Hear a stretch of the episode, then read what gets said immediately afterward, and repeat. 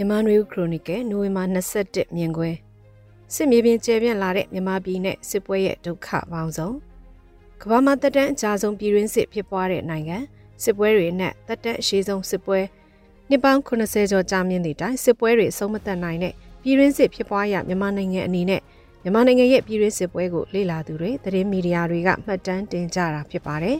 မြန်မာနိုင်ငံရဲ့ပြည်တွင်းစစ်ဟာယူကရိန်းလိုအစ္စရေးပါလက်စတိုင်းလို ပြင်းထန်မှုပျက်စီးမှုသေဆုံးမှုမရှိပေမဲ့ကာလတက်တန်းအားဖြင့်ရှေ့ကြားတဲ့စစ်ပွဲဖြစ်ပါတယ်။ဂါဇာကမ်းမြောင်ဒေသမှာဖြစ်ပွားတဲ့အကြမ်းဖက်မှုနဲ့တုံ့ပြန်လက်စားချေပြစ်ဒဏ်ခတ်တဲ့လက်တလောစစ်ပွဲကရသက်တပတ်၄ဘက်ကျော်အကြာအတွင်းမှာအသက်ဆုံးရှုံးသူတထောင်ကျော်သွားခဲ့တာဖြစ်တယ်လို့တနစ်ခွဲကျော်ကြာလာပြီဖြစ်တဲ့ယူကရိန်းရုရှားစစ်ပွဲအတွင်းလဲလက်နက်ကိုင်တပ်ဖွဲ့နဲ့ရသားအသက်ဆုံးရှုံးမှုတွေကတစ်ဖက်စီမှာတောင်ကနန်းတွေနဲ့ချီရှိနေတာဖြစ်ပါတယ်။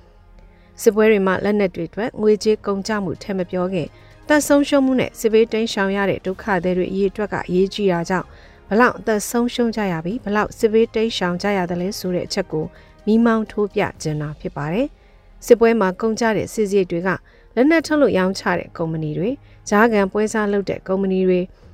လက်နက်မောင်းခိုလုပ်သူတွေအဆင့်ဆင့်အကျိုးခံစားကြရပြီးလက်နက်တွေကြောင့်ထိခိုက်သေးဆုံးရသူတွေအနေနဲ့တော့ မိမိတို့လုံအားနဲ့လုံကိုင်းရှာဖွေစုဆောင်းထားတဲ့ငွေကြေးမရှိမဲ့ရှိမဲ့ငွေကြေးနဲ့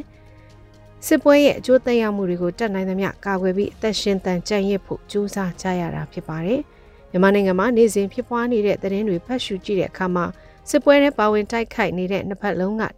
လက်နက်ကိုင်အဖွဲ့ဝင်တွေရဲ့အသက်ဆုံးရှုံးမှုတွေကိုခဏဘေးဖေထားပြီးရက်သားတွေရဲ့ထိခိုက်သေးဆုံးမှုတွေကနေစဉ်ဒါဇင်နဲ့ချီရှိနေသလိုစစ်ပွဲနဲ့ဆက်ဆက်လို့ ရက်သားတွေတက်ဖြတ်ခံနေရတာလည်းနေစဉ်လိုလိုရှိနေတာဖြစ်ပါတယ်။သတင်းဖော်ပြမှုတွေမှာရက်သားတအူးနှစ်ဦးလောက်သေဆုံးတဲ့သတင်းကသတင်းဖတ်သူရဲ့စစ်ကိုမစွဲဆောင်နိုင်တော့လောက်အောင်မထူးဆန်းတဲ့သတင်းတွေဖြစ်လာနေတာဖြစ်ပါတယ်။ဘယ်ရက်ဒေသဘယ်မြို့ဘယ်ကြေးရွာမှာလက်နက်ကြီးကြီးကြပြီးရက်သားတအူးသေးနှစ်ဦးသေဆုံးတယ်ဆိုတဲ့သတင်းတွေကသတင်းတွေနဲ့ဖော်ပြနေကြပေမဲ့ဖက်ရှုနားဆင်သူတွေကထူးခြားတဲ့အဖြစ်ပြက်ရဲ့လူကိုမမှတ်ယူကြတော့တဲ့အနေအထားဖြစ်လာပြီး ရက်သား10 20နဲ့အထက်သေဆုံးတဲ့ဖြစ်ရမျိုးမှသာထူးခြားတဲ့သတင်းရဲ့လို့ယူဆကြတဲ့အနေအထားမျိုးဖြစ်လာနေတာပါလက်တလုံးမြန်မာနိုင်ငံကစစ်ပွဲနဲ့ဆက်ဆက်နေတဲ့သတင်းတွေတဲ့မြို့တွေကိုပိတ်ဆို့ထားလို့မြို့တွေမှာနေစဉ်စားစရာစံစည်းကြက်ဥဟင်းသီးဟင်းရွက်စည်းအစမတန်မြင့်တက်နေတဲ့တဲ့73စီစင်းတို့အစမတန်မြင့်တက်နေတဲ့တဲ့ဒုက္ခသည်စခန်းလို့အမြင့်တက်ခေါ်ဝေါ်ပေမဲ့စခန်းအင်္ဂါရက်နဲ့ညီလာအောင်အမိုးအကာကောင်းကောင်းမွန်မွန်မရှိတဲ့နေရာတွေမှာ လူရထောင်ချီမိခိုပြီးအသက်ဘေးလွတ်အောင်နေကြရတဲ့သတင်းတွေမြို့တွေကိုပိတ်ဆို့ပြီးစည်ရဲရတာစီရအောင်လက်နက်ကိုင်ဖွဲ့တွေကလှုံ့ဆော်နေကြတဲ့သတင်းတွေက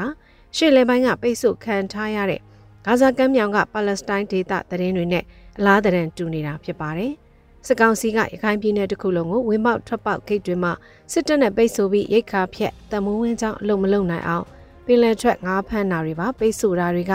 ဂါဇာကမ်းမြောင်မှာအစ္စရေးရဲ့ပိတ်ဆို့မှုတွေနဲ့နှိုင်းယှဉ်စရာအဖြစ်အပျက်တွေဖြစ်နေပါတယ်။အလားတူပဲလောက်ကိုင်းမြို့ကိုတော့မြောက်ပိုင်းမဟာမိတ်လက်နက်ကိုင်းဖွဲ့တွေထူးသဖြင့်ကိုကန်လက်နက်ကိုင်းဖွဲ့ကပိတ်ဆို့ထားပြီး73စီစံစားစရာတွေရဲ့ဈေးနှုန်းကမယုံကြည်နိုင်လောက်တဲ့ဈေးနှုန်းတွေဖြစ်လာနေတဲ့အကြောင်းသတင်းတွေထဲဖတ်ရှုရမှာဖြစ်ပါတယ်။ပုံမှန်နေထားမှာကျပ်2000ကျော်3000လောက်သာရှိတဲ့ဓာတ်စီတလီတာကိုကျပ်8000အထိပေးပြီးဝယ်ယူနေကြရတာ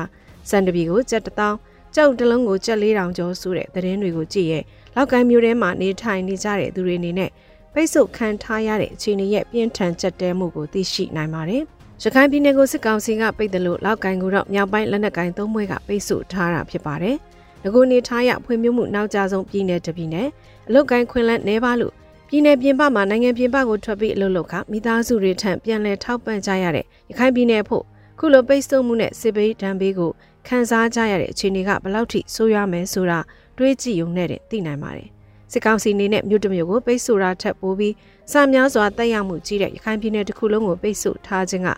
အစိုးရတည့်အနေနဲ့လှုံ့ဆော်တဲ့လုပ်ရမဟုတ်တာထင်ရှားဖြစ်ပါတယ်။လက်နက်ကင်တိုက်ပွဲတွေတိုက်ခိုက်ရမှာတစ်ဖက်ရန်သူရဲ့နေမြေလမ်းကြောင်းတွေကိုထိန်းချုပ်ထားတာဖျက်ဆီးတာဖျက်တောက်တာစီးရဲလှုပ်ဆောင်မှုတွေနဲ့လှုပ်ဆောင်ကြတာတဘာဝပေမဲ့နေမြေတစ်ခုလုံးရသားသိန်းနဲ့တန်းနဲ့ချီနေထိုင်နေတဲ့မြို့ပြည်နယ်တစ်ခုလုံးကိုပိတ်ဆို့ဖျက်တောက်တဲ့လှုပ်ဆောင်မှုက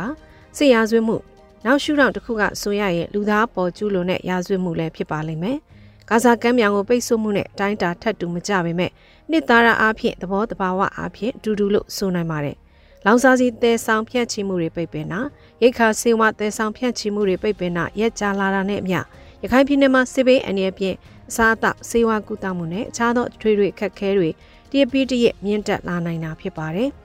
မြောက်ပိုင်းလက်နက်ကင်သုံးဘွဲကပိတ်ဆို့ထားတဲ့လောက်ကိုင်းမျိုးကတော့သတင်းသုံးဘက်ကျော်ကြလက်ရှိအနေထားမှာတဲ့အသက်ရှင်မှုအခက်အခဲကြုံနေရသူတွေရာထောင်ချီရှိလာနေတဲ့သတင်းတွေလည်းဖတ်ရှုတွေ့မြင်နေရတာဖြစ်ပါတယ်။စီးရဲမှာအောင်နိုင်မှုအတွက်ဘယ်ရာမှမတရားတာမရှိဘူးလို့ဆိုရိုးစကားရှိပေမဲ့လည်းစစ်ပွဲတွင်ကျူးလွန်တဲ့ရာဇဝတ်မှုတွေကကာလတို့တွင်မှတ်တမ်းတင်တဲ့သမိုင်း